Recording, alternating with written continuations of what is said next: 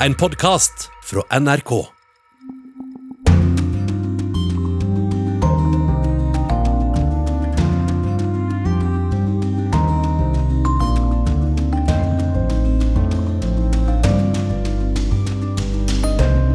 En gresk domstol slo denne uken fast at det greske nynazistpartiet Gyllent daggry er en kriminell organisasjon, og det førte til følgende reaksjoner i Atens gater.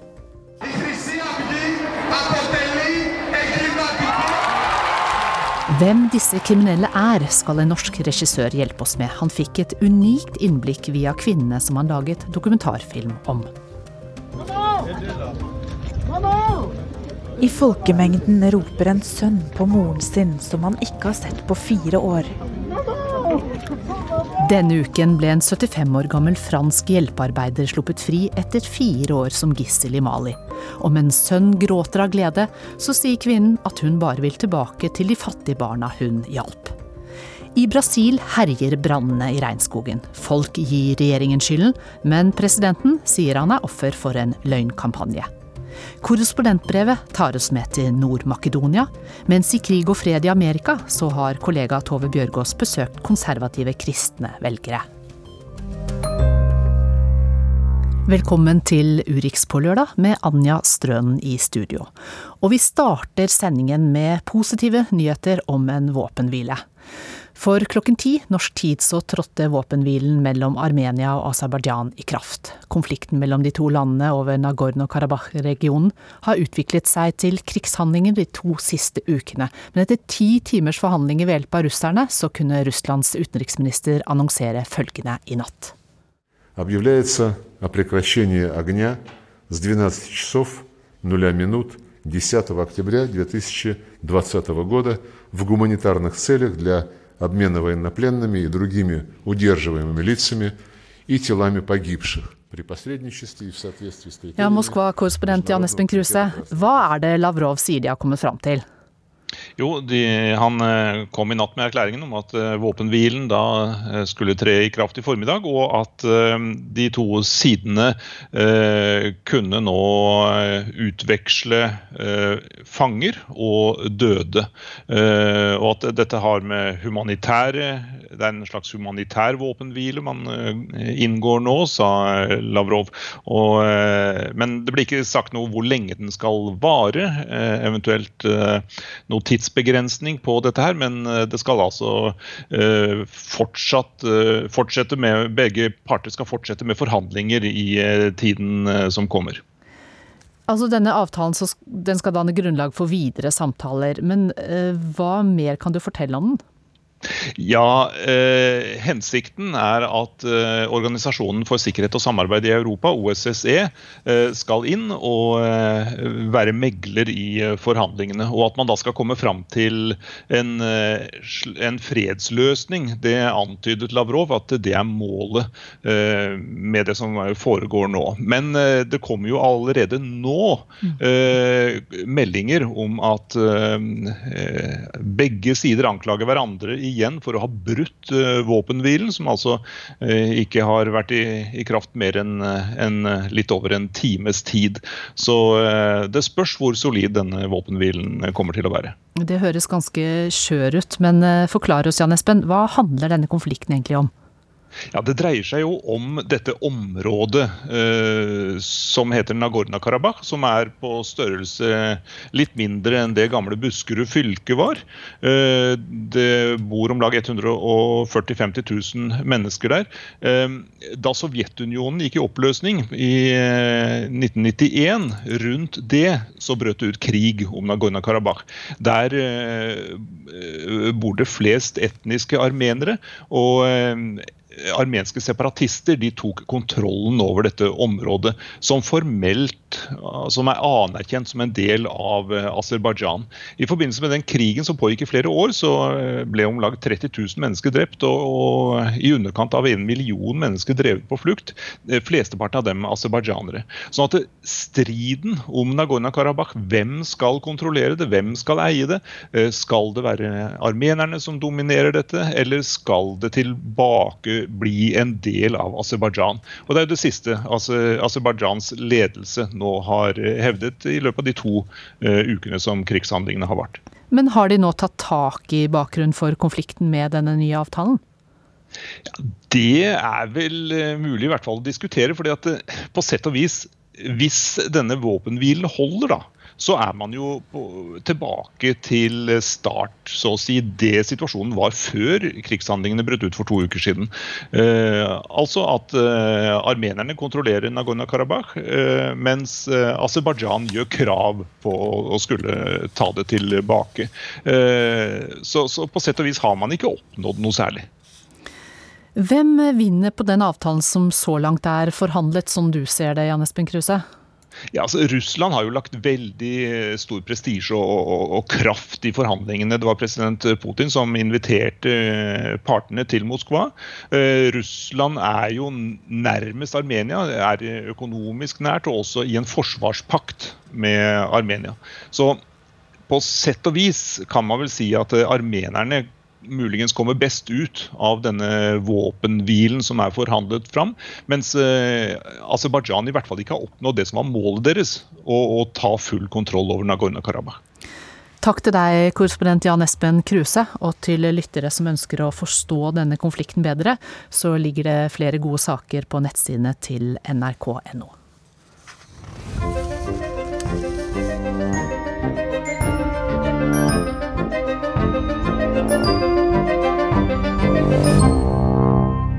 Vi skal forflytte oss til Hellas, der en gresk domstol denne uken slo fast at det greske nynazistpartiet Gyllent daggry er en kriminell organisasjon. Og slik hørtes det ut på gaten i Aten da dommen ble forkynt over høyttalere til over 15 000 antifascister, fagforeningsaktivister, representanter fra de fleste andre greske partiene. De var samlet for å høre utfallet av saken.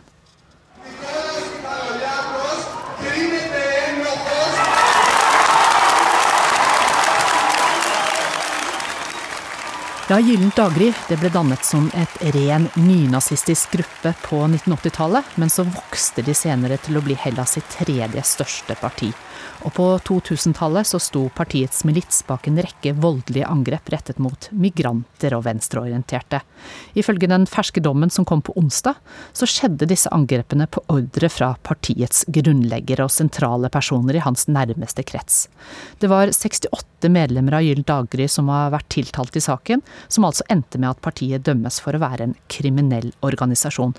Og et av medlemmene døms også for drap.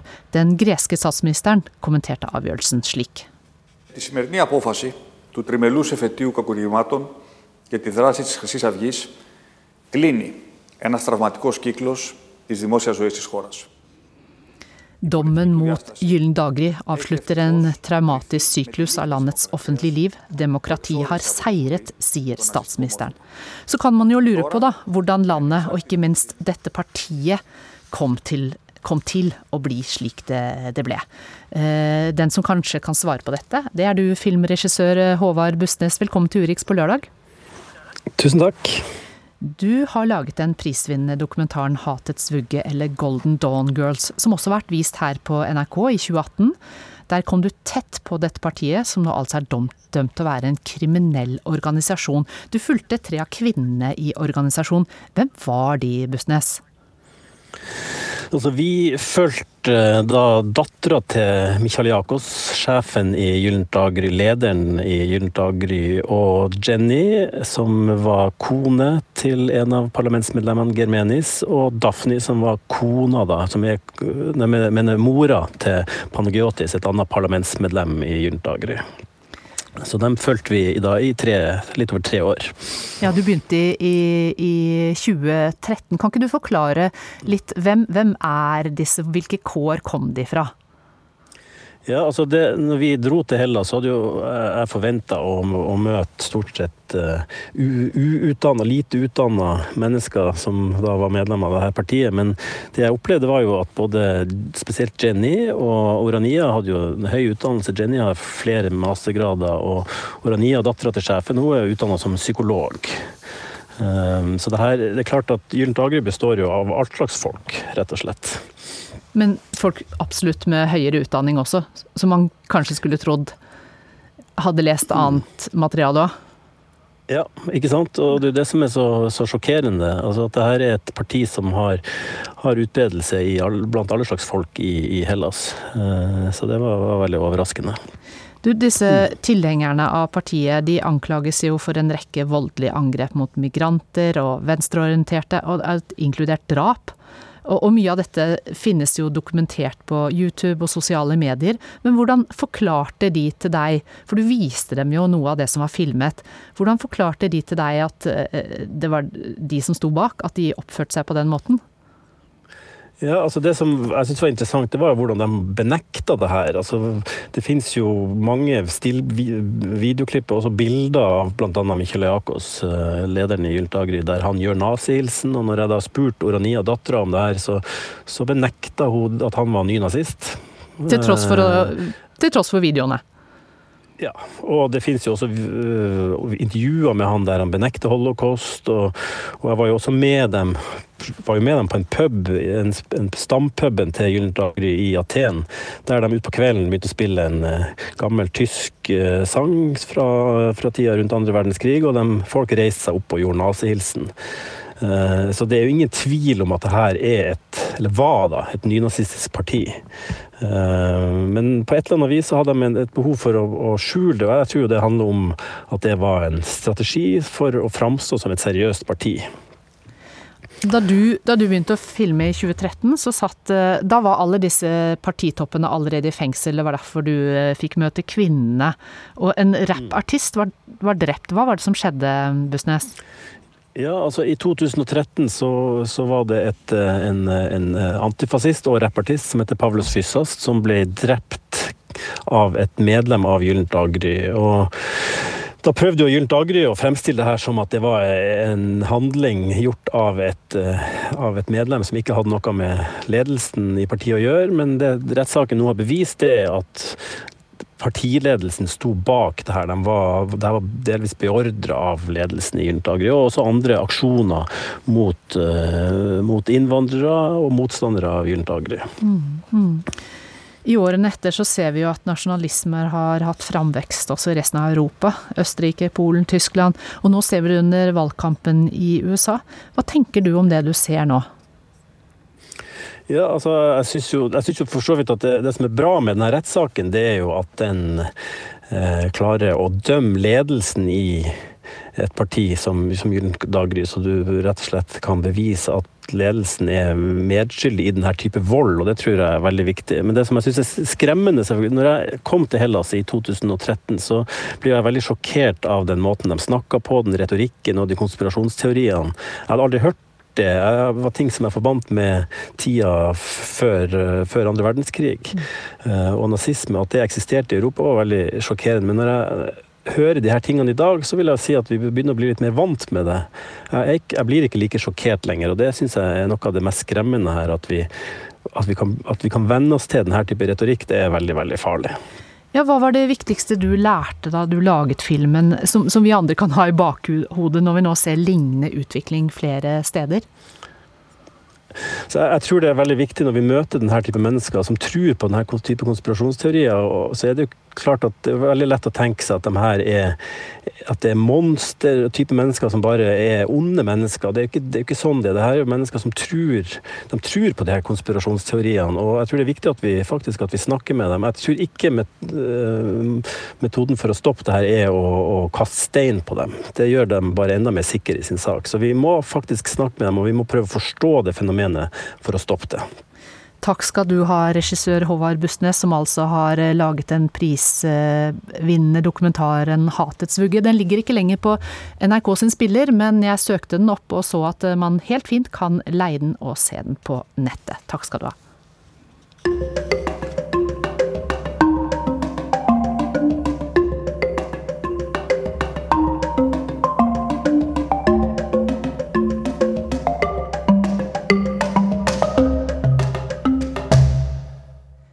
Denne uka så ble over 100 jihadister sluppet fri fra fengsel i Malis hovedstad Bamako og sendt med fly nordover i landet.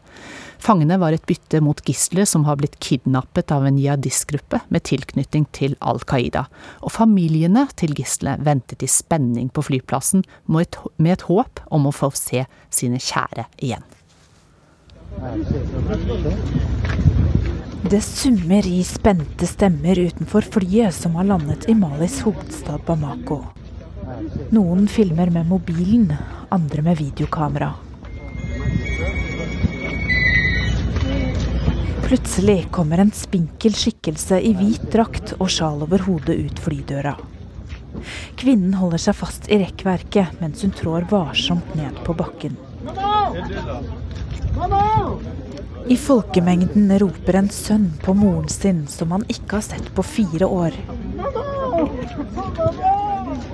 Endelig kan de omfavne hverandre.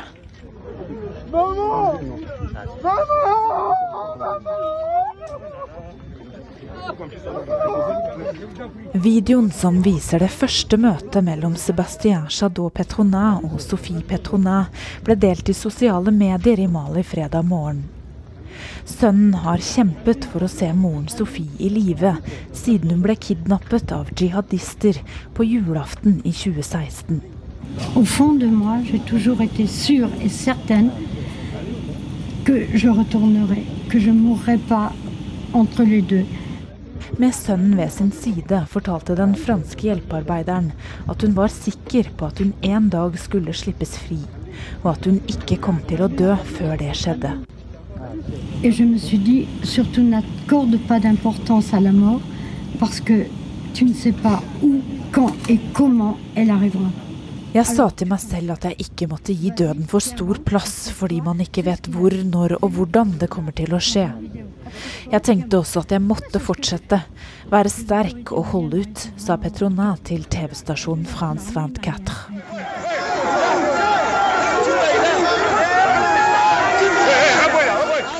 Opposisjonspolitiker Somaili Cissé vinker fra takluka til en bil som kjører gjennom folkemengden i Bamako. Også han har blitt løslatt etter at han ble kidnappet da han drev valgkamp i Timbuktu i mars. Det er jihadistgruppa Jamat Nusrat al-Islam wal-Muslimin som har tatt på seg ansvaret. Den Al Qaida-tilknyttede gruppa godtok å frigi den franske hjelpearbeideren, to italienere og opposisjonspolitikeren Cissé mot at jihadister ble satt fri. Dermed ble over 100 jihadister løslatt fra fengsel i Bamako og flydd nordover i landet i en fangeutveksling. Jeg er d'être là. Pour Mali, for min famille. Et six mois dans les conditions que vous savez. Jeg er veldig glad for å være ute, både for Malis del og for familien min. Jeg tilbrakte seks måneder under svært krevende forhold i Sahara-ørkenen, i nesten konstant isolasjon. Men jeg ble ikke utsatt for noen form for vold, sa Cissé iført munnbind til Associated Press etter at han ble løslatt. Dagen etter at Sophie Petronin møtte sønnen for første gang på flyplassen i Malis hovedstad, ankom 75-åringen Paris med et nytt fly. I grått høstvær møtte hun Frankrikes president Macron, som sto klar for å ønske henne velkommen på fransk jord. Etter å ha truffet familien ønsker Petrona å dra tilbake til byen Gao, der hun jobbet for å hjelpe underernærte og foreldreløse barn før hun ble kidnappet. Hun vil se hvordan det går med barna som hun ikke har sett på fire år. Men først skal hun være sammen med familien. Sebastien Chadot Petrona og familien jobbet hardt for å få henne ut så fort som mulig. Likevel måtte de være fra hverandre i fire år. Mais tu as fait ce que tu pouvais faire, ce que tu devais faire. Tu l'as fait. Mais non. Du gjorde det du kunne, sier moren. Men det var ikke nok, sier sønnen. Je t'ai dit, nul n'est infaillible sur cette terre. Alors, tu- pourquoi est-ce que tu veux t'accuser Ingen i verden er ufeilbarlig. Hvorfor klandrer du deg selv? Hvorfor føler du deg skyldig? Du gjorde alt du kunne, sier 75-åringen mens sønnen kysser henne på pannen. Det fortalte Afrikakorrespondent Ida Titlestad Dalbakk.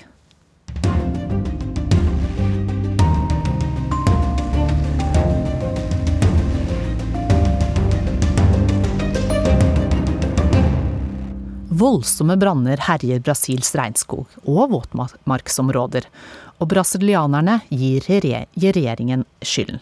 Ifølge en ny måling er det bare 20% som støtter president Bolsonaros miljøpolitikk, mens presidenten han sier han er offer for en løgnkampanje. Det er skrekkscener som hver dag blir vist til millioner av TV-seere og nettbrukere her i Brasil. Enorme områder av verdens viktigste regnskog og verdens største tropiske våtmarksområde blir flammenes rov. En miljø- og dyretragedie landet knapt har opplevd maken til. Og folk reagerer med forferdelse og harme overfor presidenten. Han står for en radikal politikk som oppmuntrer folk til å brenne ned skogen og bruke disse områdene til jordbruk, sier den 32 år gamle Bruno Schimes, som jeg møter på gata her i Rio de Janeiro. Det er derfor vi ser alle disse brannene, og den eneste måten å stanse dette på, er å bli kvitt denne presidenten, sier han. Det har vært mange protester mot Bolsonaros miljøpolitikk etter at han kom til makten i januar i fjor. I en ny undersøkelse fra Poder Data sier 41% av brasilianerne at regjeringen er dårlig eller elendig på miljø. Drøyt 30% sier at den er sånn passe, mens bare 20% mener den er god eller utmerket. Somos vítimas de uma das mais brutais campanhas de desinformação. Vi er ofre for en brutal desinformasjonskampanje når det gjelder Amazonas og våtmarksområdet Pantanal, sa Jair Bolsonaro i sin tale under åpningen av FNs hovedforsamling i forrige måned. Regjeringen har intet ansvar for brannene. Det er fiender av Brasils landbruk som sprer løgner sier han. Miljøtalsmann Marcio Astrini er ikke overrasket. Bolsonaro não tem interesse em combater o desmatamento da Amazônia. Bolsonaro har ingen interesse av å bekjempe avskogingen i Amazonas. Tvert imot, hans politikk innebærer ødeleggelse av skogen. Han støtter dem som bryter loven for å fremme sine økonomiske interesser, bønder, tømmerhuggere, gullgravere og andre. Og hans taktikk er å benekte fakta, bl.a. skogtallene fra Institutt for romforskning, sier Astrini. São extremamente graves e muito preocupantes. Slike utspill er ekstremt alvorlige og svært bekymringsfulle, sier den kjente miljøtalsmannen i et intervju med NRK. Institutt for romforskning har et godt omdømme internasjonalt. Det bruker en utmerket teknologi og regnes som førsteklasses når det gjelder overvåking av tropisk regnskog, sier han. Mens Amazonas og Pantanal brenner, krangler regjeringen og dens kritikere om tall og fakta.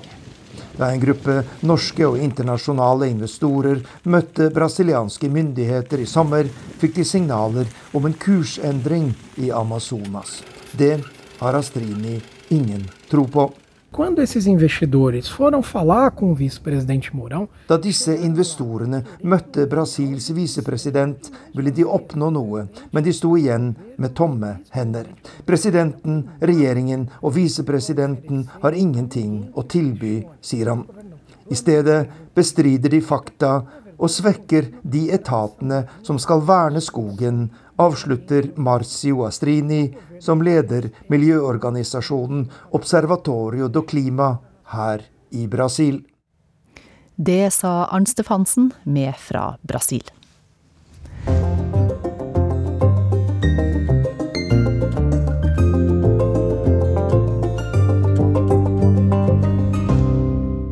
I ukas korrespondentbrev tar Roger Severin Bruland oss med til magiske Nord-Makedonia. Der han gjennom et samarbeid med en Oscar-nominert filmskaper lærer om en unik honningproduksjon. Jeg står på den gamle steinbrua i hovedstaden Skopje. Brua er bygd på et romersk fundament som har overlevd jordskjelv i år 518, 1536 og 1963. Brua har også overlevd mange et politisk jordskjelv der den ligger i det som blir kalla det store veikrysset mellom Europa og Midtøsten. Jeg har med meg den talentfulle filmfotografen Famy Daut. Vi skal til gamlebyen for å redigere en reportasje om den nordmakedonske vinproduksjonen. Men som alltid, når en besøker Nord-Makedonia, er det lett å fortape seg i den dramatiske historia til dette etnisk delte landet. Den amerikanske journalisten Robert Kaplan skrev følgende i 1994. Dette er landet der Spartakus byrja slaveopprøret sitt, og der Alexander den store byrja sitt store felttog for å erobre verda. Det er en rasende smeltedigel. Her utløste etnisk hat Osmannerrikets fall, og danna grunnlag for konfliktene i det 20. århundre. Fotograf Fami Daut drar meg ned på jorda igjen. Han er etnisk tyrker med etnisk albanske kone og med etniske makedonske kollegaer, forteller han. Han minner meg på at politikk er ei flyktig greie. Det er det tidløse livet og naturen som gir oss mennesker mening. Fami tilhører et kollektiv av filmskapere som har hatt en eventyrlig suksess i år med filmen 'Honninglandet'. Filmen fikk hele to Oscar-nominasjoner, en som beste internasjonale film og en som beste dokumentarfilm. Det var første gang i Oscar-historia at en dokumentarfilm ble nominert som beste internasjonale spillefilm. Filmen handler om ei etnisk tyrkisk kvinne i en fjellandsby som røkter bier på gamlemåten. Hadidze Muratova bor i ei lita stove uten strøm og vann sammen med ei gammel mor. De er de siste beboerne i landsbyen. Slektningene har reist til storbyen i håp om å finne et bedre liv. Men for Hatidze finnes det ikke større lykke enn å passe biene sine, sjøl om hun i svake stunder vedgår hun kunne tenke seg en mann. I kulde, og steikende varme pleier hun tålmodig biene sine. Hun er varsom når hun forsyner seg av honninga. Halvparten er til meg og halvparten til biene, sier hun medan hun smiler til kamera. Jeg og Feimi vandrer inn i den gamle basaren i Skopje. Her holder tyrkiske fremdeles stand. Menn med kalotter drikker te av timeglassforma krus. Vi setter oss ned på et kafébord. Jeg spør hvorfor lage en film om birøkting. Fami forteller de fikk en bestilling fra det sveitsiske direktoratet for utviklingssamarbeid. Det gikk ut på å lage en liten snutt om økologisk birøkting. På den tida var det mye skriverier i media om at biene var i ferd med å forsvinne. Ved ei tilfeldighet kom det over Hatice Muratova, som er en av de siste i Europa som driver med villbier. Hun har ei honning som ikke kan sammenlikne seg med noe. Helt ærlig er vi alle blitt skeptiske til vanlig honning, og hva slags juks det kan være, forteller Femi. Det som skulle bli en kort informasjonsfilm, utvikla seg raskt til å bli et gigantisk prosjekt. Fami forteller at det ved ei tilfeldighet kom en ny familie til landsbyen, og det var da filmskaperne skjønte det brygga opp til ei spanende konflikt som kunne bli en film. Den nye familien yngste å lære birøkterkunsten av Hatice, men de respekterte ikke naturen på samme måte. Jeg skal ikke røpe mer av handlinga for de som ikke har sett filmen, men slutten er hjerteskjærende og hadde vært vel verdt en Oscar.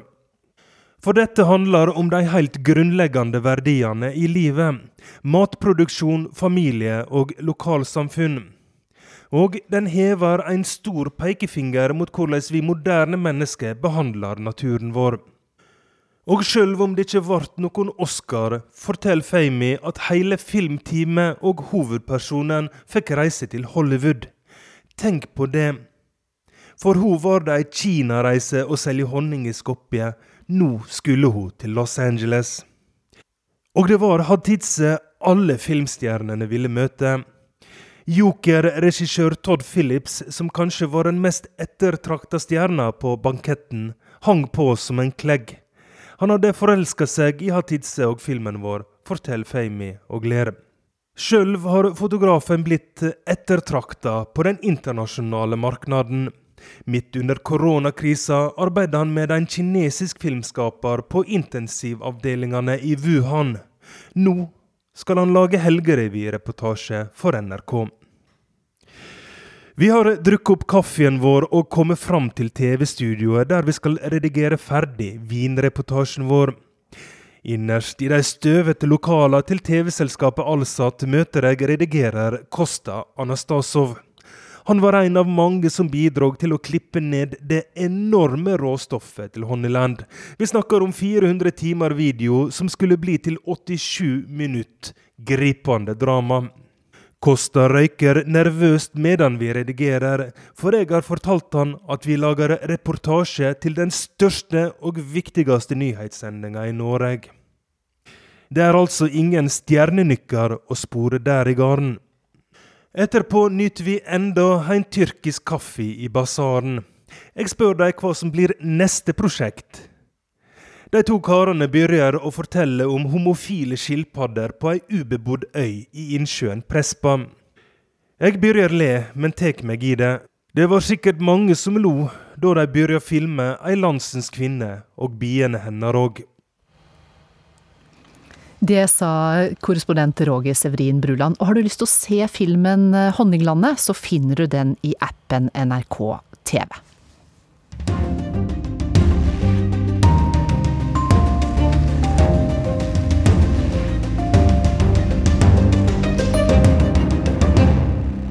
Mandag så starter republikanerne prosessen med å få godkjent konservative Amy Coney Barrett som høyesterettsdommer før presidentvalget. De har dårlig tid, men å få henne godkjent er svært viktig for en stor velgergruppe som står last og brast med Donald Trump. I ukas podkast Krig og fred i Amerika har kollega Tove Bjørgaas besøkt konservative kristne velgere. En podkast fra NRK.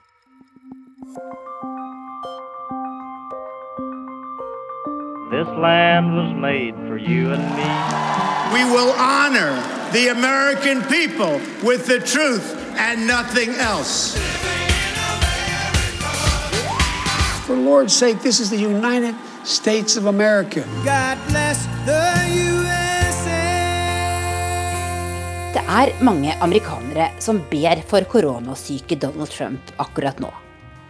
For et stort flertall av de evangelikale kristne i USA støtter fortsatt presidenten sin. Hvorfor det, når han både lyver og bryter flere andre av de ti bud? Jeg har reist ut på landeveien i USA for å forsøke å få svar. Du hører på Krig og fred i Amerika med Tove Bjørgaas.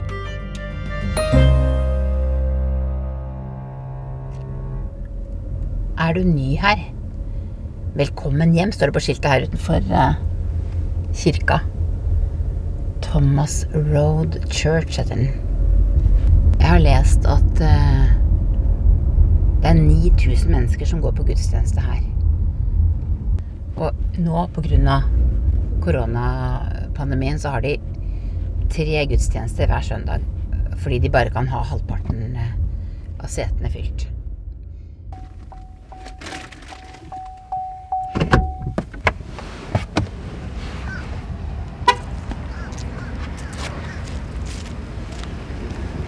Selve denne kirka ser ut som en, som en skole, nesten. En kjempestor eh, sånn ferskenfarget murbygning. Og like over veien her nede så ligger eh, et universitet som heter Liberty. Og Liberty-universitetet det har liksom vært en bastion for eh, den kristne høyresida, eller den kristne evangeliske politiske høyresida. Nei, der sa jeg feil. Det heter ikke evangelisk, det heter evangelikal.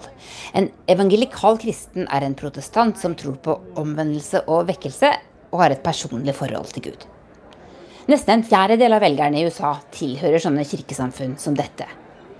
Thomas Road-kirka, som jeg er på vei inn i nå, er en baptistkirke som ligger i den lille byen Lynchburg i Virginia, tre timers kjøring fra Washington DC. Inne i det kjempestore kirkerommet er det masse folk, selv om annenhver rad er sperret av pga. smittefare.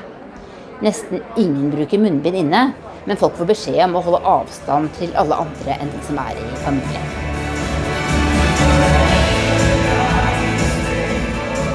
Oppe fra den svære scenen synger bandet 'Gud er sterk og Gud er trofast'. Det er virkelig en helt enorm scene. Blåserekke, strykere, trommer, flere gitarer. Et helt sinnssykt bra lydanlegg som får radioopptakeren min til å gå i rødt.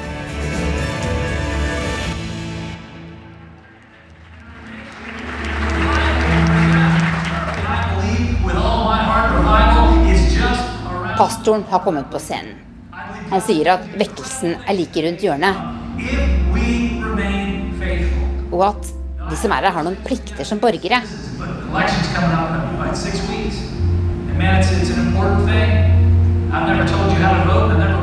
Nå er det snart valg, sier han. Men jeg vil ikke fortelle dere hvem dere skal stemme på.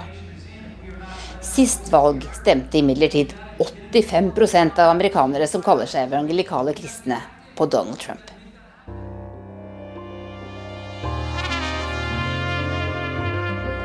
Um, I definitely think he was the better choice for the past election, and so I'm glad that he was the one that was chosen.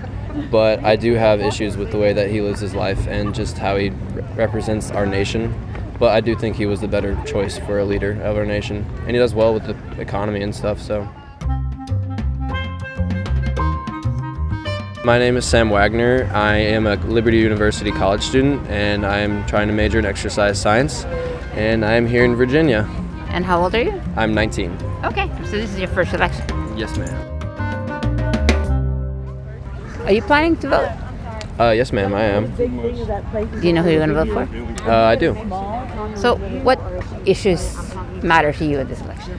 Um, for me, well, to be perfectly honest, I'm not a huge, like, I don't really love either candidate, to be honest. But for me, as a young adult, um, and the way that I was raised, what I really focus on is who's going to vote for like religious freedoms because I believe that that's a huge issue, and also on the issues of abortion. Um, so that's mainly like my deciding factors of like, because in the Constitution and and America was founded on that we're one nation under God. So I believe that that's really how we're supposed to be run as a country. So I'm going to vote according to who I think will best fill out that.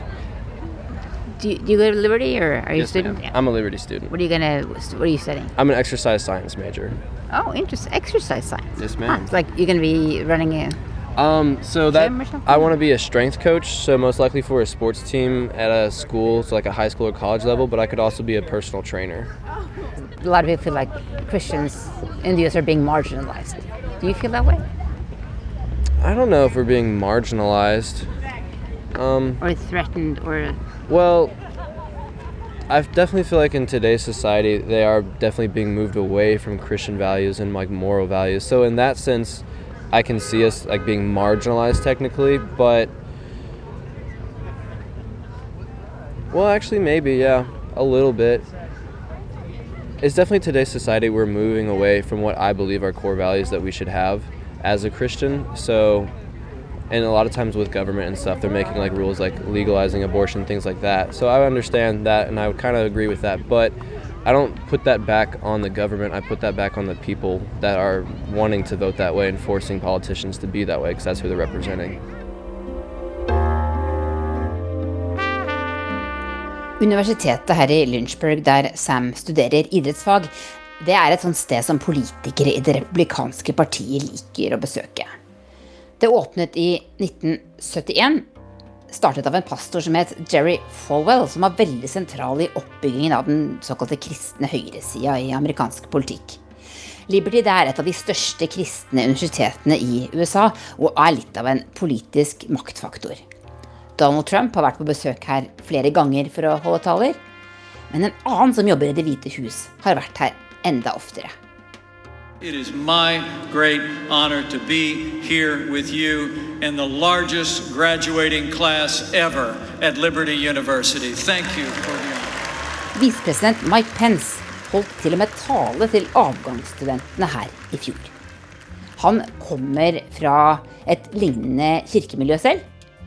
Og mange har ment at Trump gjorde lurt i å velge en visepresident som kom fra et sånt eh, miljø, som var litt prektigere enn ham selv.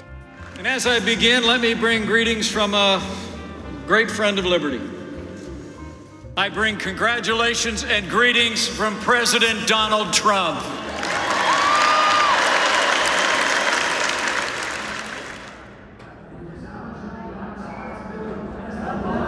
Hi, you could register to vote here?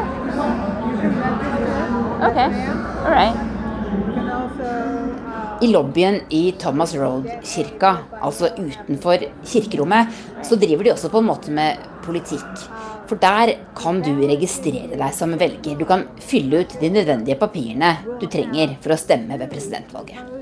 Og to jenter jeg møter, har nettopp gjort det. Can I first have you introduce yourselves? Hi. Um, do we have to say our names? You don't have to. okay, I prefer to say anonymous. if that's yeah, okay. That's fine. Okay, so you you go to this church? Yes, I do. Mm-hmm. Have you been going for a long time? Or? I've been going for this is my third year. Mm-hmm. I've been going here for a long time, probably like seven years. Are you planning to vote? I am. Yes. Me And too. you? Yeah. I am voting for Trump. Yeah. Mm-hmm, me too. Yeah. Now, do you have do you have issues with Trump? Or are there things you don't like about him? Um. I I I respect him as my president, as the authority that God has placed over our lives, um, and I try not to dive too much into his personal life.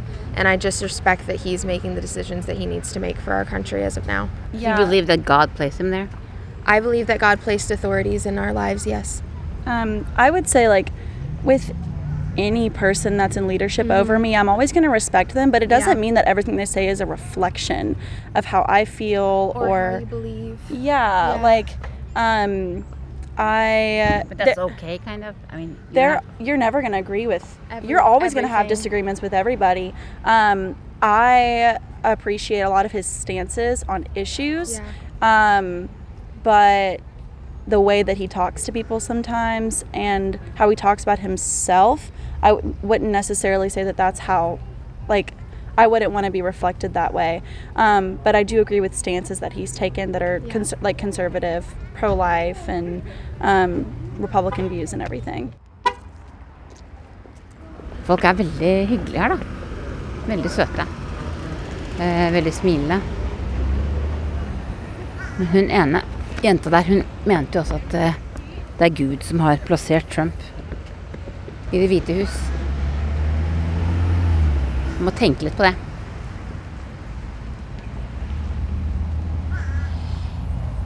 Jeg kjenner at jeg trenger å forstå dette med at Trump er tilgitt for alt han har sagt og gjort, litt bedre. Det er litt lettere å snakke norsk med noen om akkurat det, så nå har jeg tenkt å ringe hjem til Norge.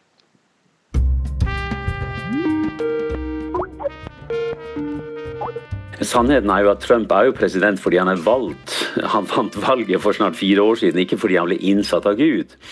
Og fristelsen hos hans kristne støttespillere på den politiske høyresiden i USA er jo at, at det er egentlig Gud som trekker i trådene, og valgresultatet blir snarere en bekreftelse på at nå er Gud på ferde på en annen måte enn han f.eks. var under president eh, Obama. Og Det er klart at det, det sier seg selv at dette, dette ikke er uproblematisk. Ja, mitt navn er Terje Hegertun. Jeg er professor ved eh, MF vitenskapelig høgskole her eh, her i Oslo. Og, og jobber med bl.a. kunnskap om ulike kirkesamfunn rundt om i verden. Jeg tilhører pinsebevegelsen i Norge, Filadelfia-kirken i, eh, i Oslo. Rent teologisk så har jeg altså snakket med ganske mange i en baptistkirke i Virginia som, som sier at de fortsatt vil støtte Trump. Og noen av dem eh, sier også at de mener at han er tilgitt for den han er og måten han snakker på, at derfor så er det ikke noe problem for dem å, å, å støtte ham, til tross for at han kanskje har en livsførsel som man kanskje kan tenke ikke er i tråd med gode kristne verdier. Hva tenker du om sånne argumenter?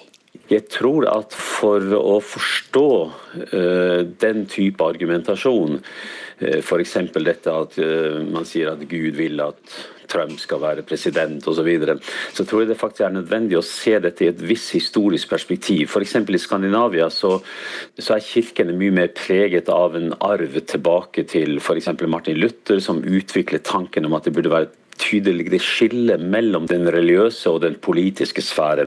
Og Tanken var veldig enkel, nemlig at det religiøse og det politiske ikke måtte blandes for mye sammen. Og, og Når man hører utsagn som f.eks. at eh, Trump er president fordi det er Guds vilje, så, så, er det et uttrykk for at disse to blandes sammen. Gud blir liksom en sånn direkte medspiller i det politiske spillet. Gud styrer i kulissene. Derfor gjelder det å arbeide på lang sikt og forsøke å se det andre ikke ser. Når Gud står bak en bestemt kandidat, så blir det vanskelig å kritisere denne kandidaten. Man omskriver og unnskylder og bortforklarer de ting som etter vanlig kristen standard ikke er bra. Selv om vedkommende eh, kanskje er skilt flere ganger, kanskje ikke han blir tatt i usannheter og oppfører seg bøllete, så får man se mellom fingrene på det, for det er andre ting som er viktigere. Vi har jo til alle tider hørt om, dette skillet mellom kirken og staten i USA.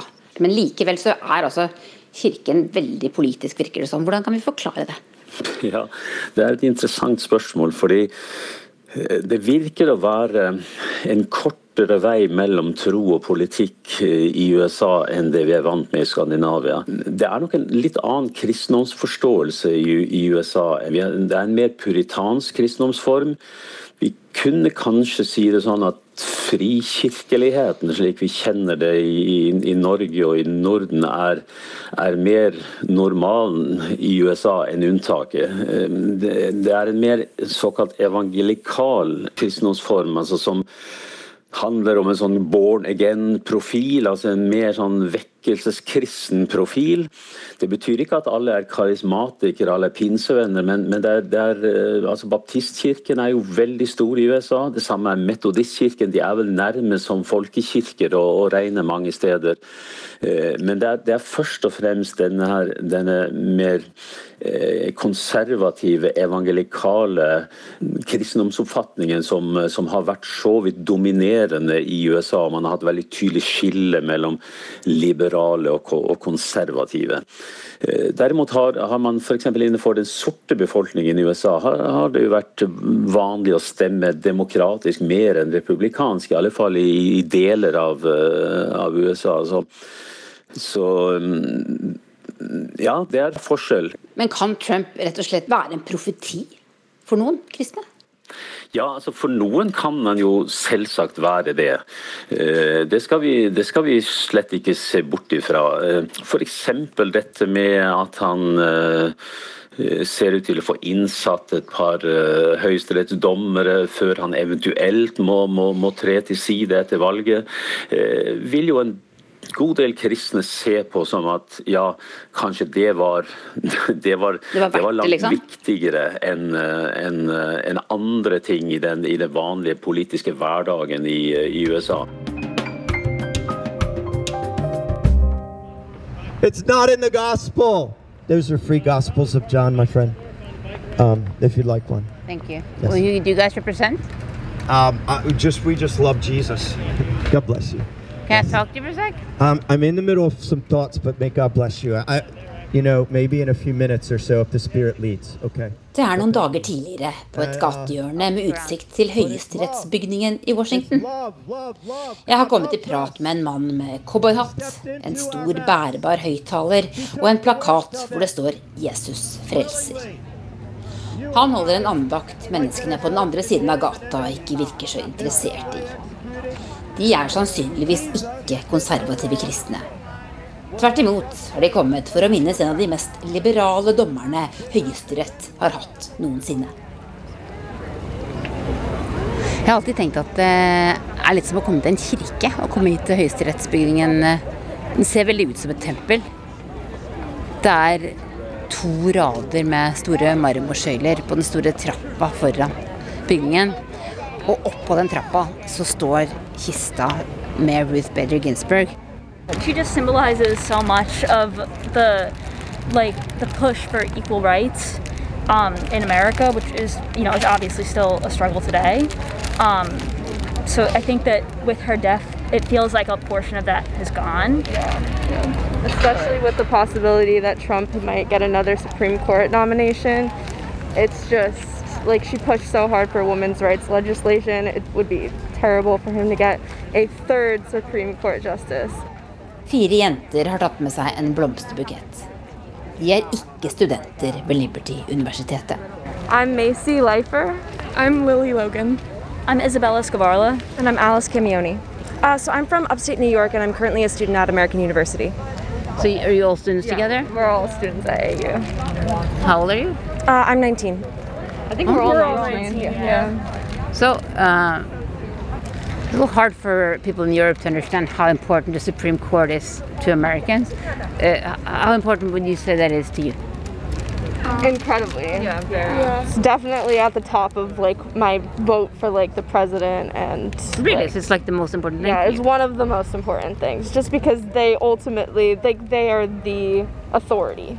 I think you know. that it's important because while Congress makes the laws here, the Supreme Court decides whether or not they're viable for actually like enforcing them and the decisions that they have made have upheld a lot of our human rights as a country um, when Congress might make laws that aren't necessarily super inclusive or fighting for the people as opposed to their interests.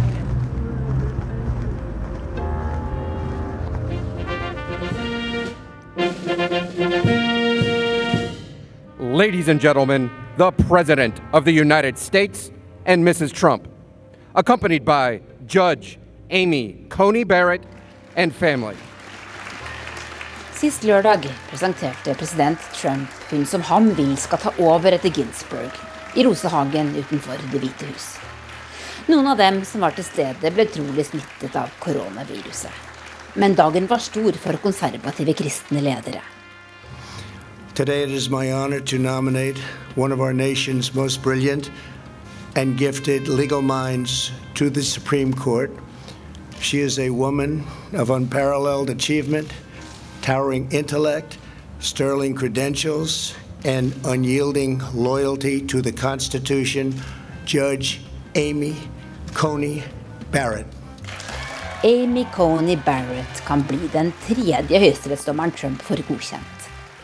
Og den sterkeste motstanderen av abort i USAs høyesterett på lenge. Mens jeg var i Lynchburg, snakket jeg med flere som er svært begeistret for Barrett. Blant annet en som heter Kim, som satt på en benk like utenfor kirka. From what I've seen, I haven't researched a whole lot about her yet because it's fairly new, but she seems to be someone that I would be in line with, um, absolutely. I mean, as a Christian, how do you feel about the? There is obviously is some kind of division in the U.S. right now between people. How do you think that that can be healed? How can that be healed? Um, well, people need to stop thinking. I- I'm, I'm afraid that people aren't thinking for themselves. I think that people are being swayed, especially by what they're hearing in the mainstream media. And the scary thing is, I don't think that they're smart enough to figure out that they're being swayed by what they're hearing and what's being crammed into their brains every day. Do you th- Is there something in particular you're thinking about? agenda is just extremely liberal. It's upsetting that just liberals are able to take over our country like this and that people don't see it, even people that should see it. Like Christians, they're just believing what they hear on the news, they're not digging deeper. Do you feel that Christians like you are being marginalized in the U.S. today? Absolutely. I I think we're being marginalized by the media and the liberal agenda. I wouldn't say that we're being marginalized by our leaders right now that are in office, but um, like at, at the highest level. But there are so many leaders um, underneath that have such a a different agenda than I do. It's very selfish, very selfish agenda. If I could be frank, do you have issues with Trump at all that you don't like? Do you know what? No one is perfect. So, uh, Jesus is not the president. you know what I mean? No one is perfect. Jesus has forgiven Trump just like he's forgiven me. And for us as regular people to hold someone to a standard that's not even realistic for a human is wrong.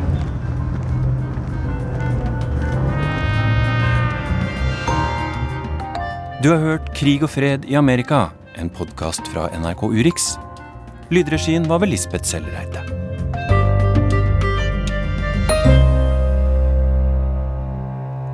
Vi holder oss i USA og tar med at i den amerikanske delstaten Texas så har en dommer stanset guvernørens ordre om å begrense forhåndsstemning.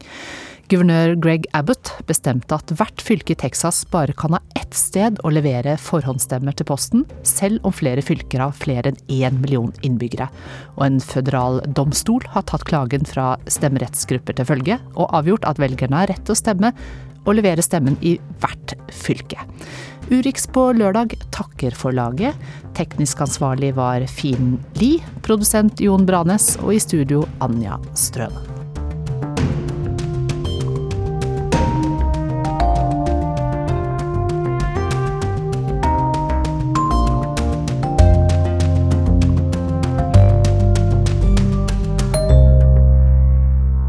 Du har hørt en podkast fra NRK. Hør flere podkaster og din favorittkanal i appen NRK Radio.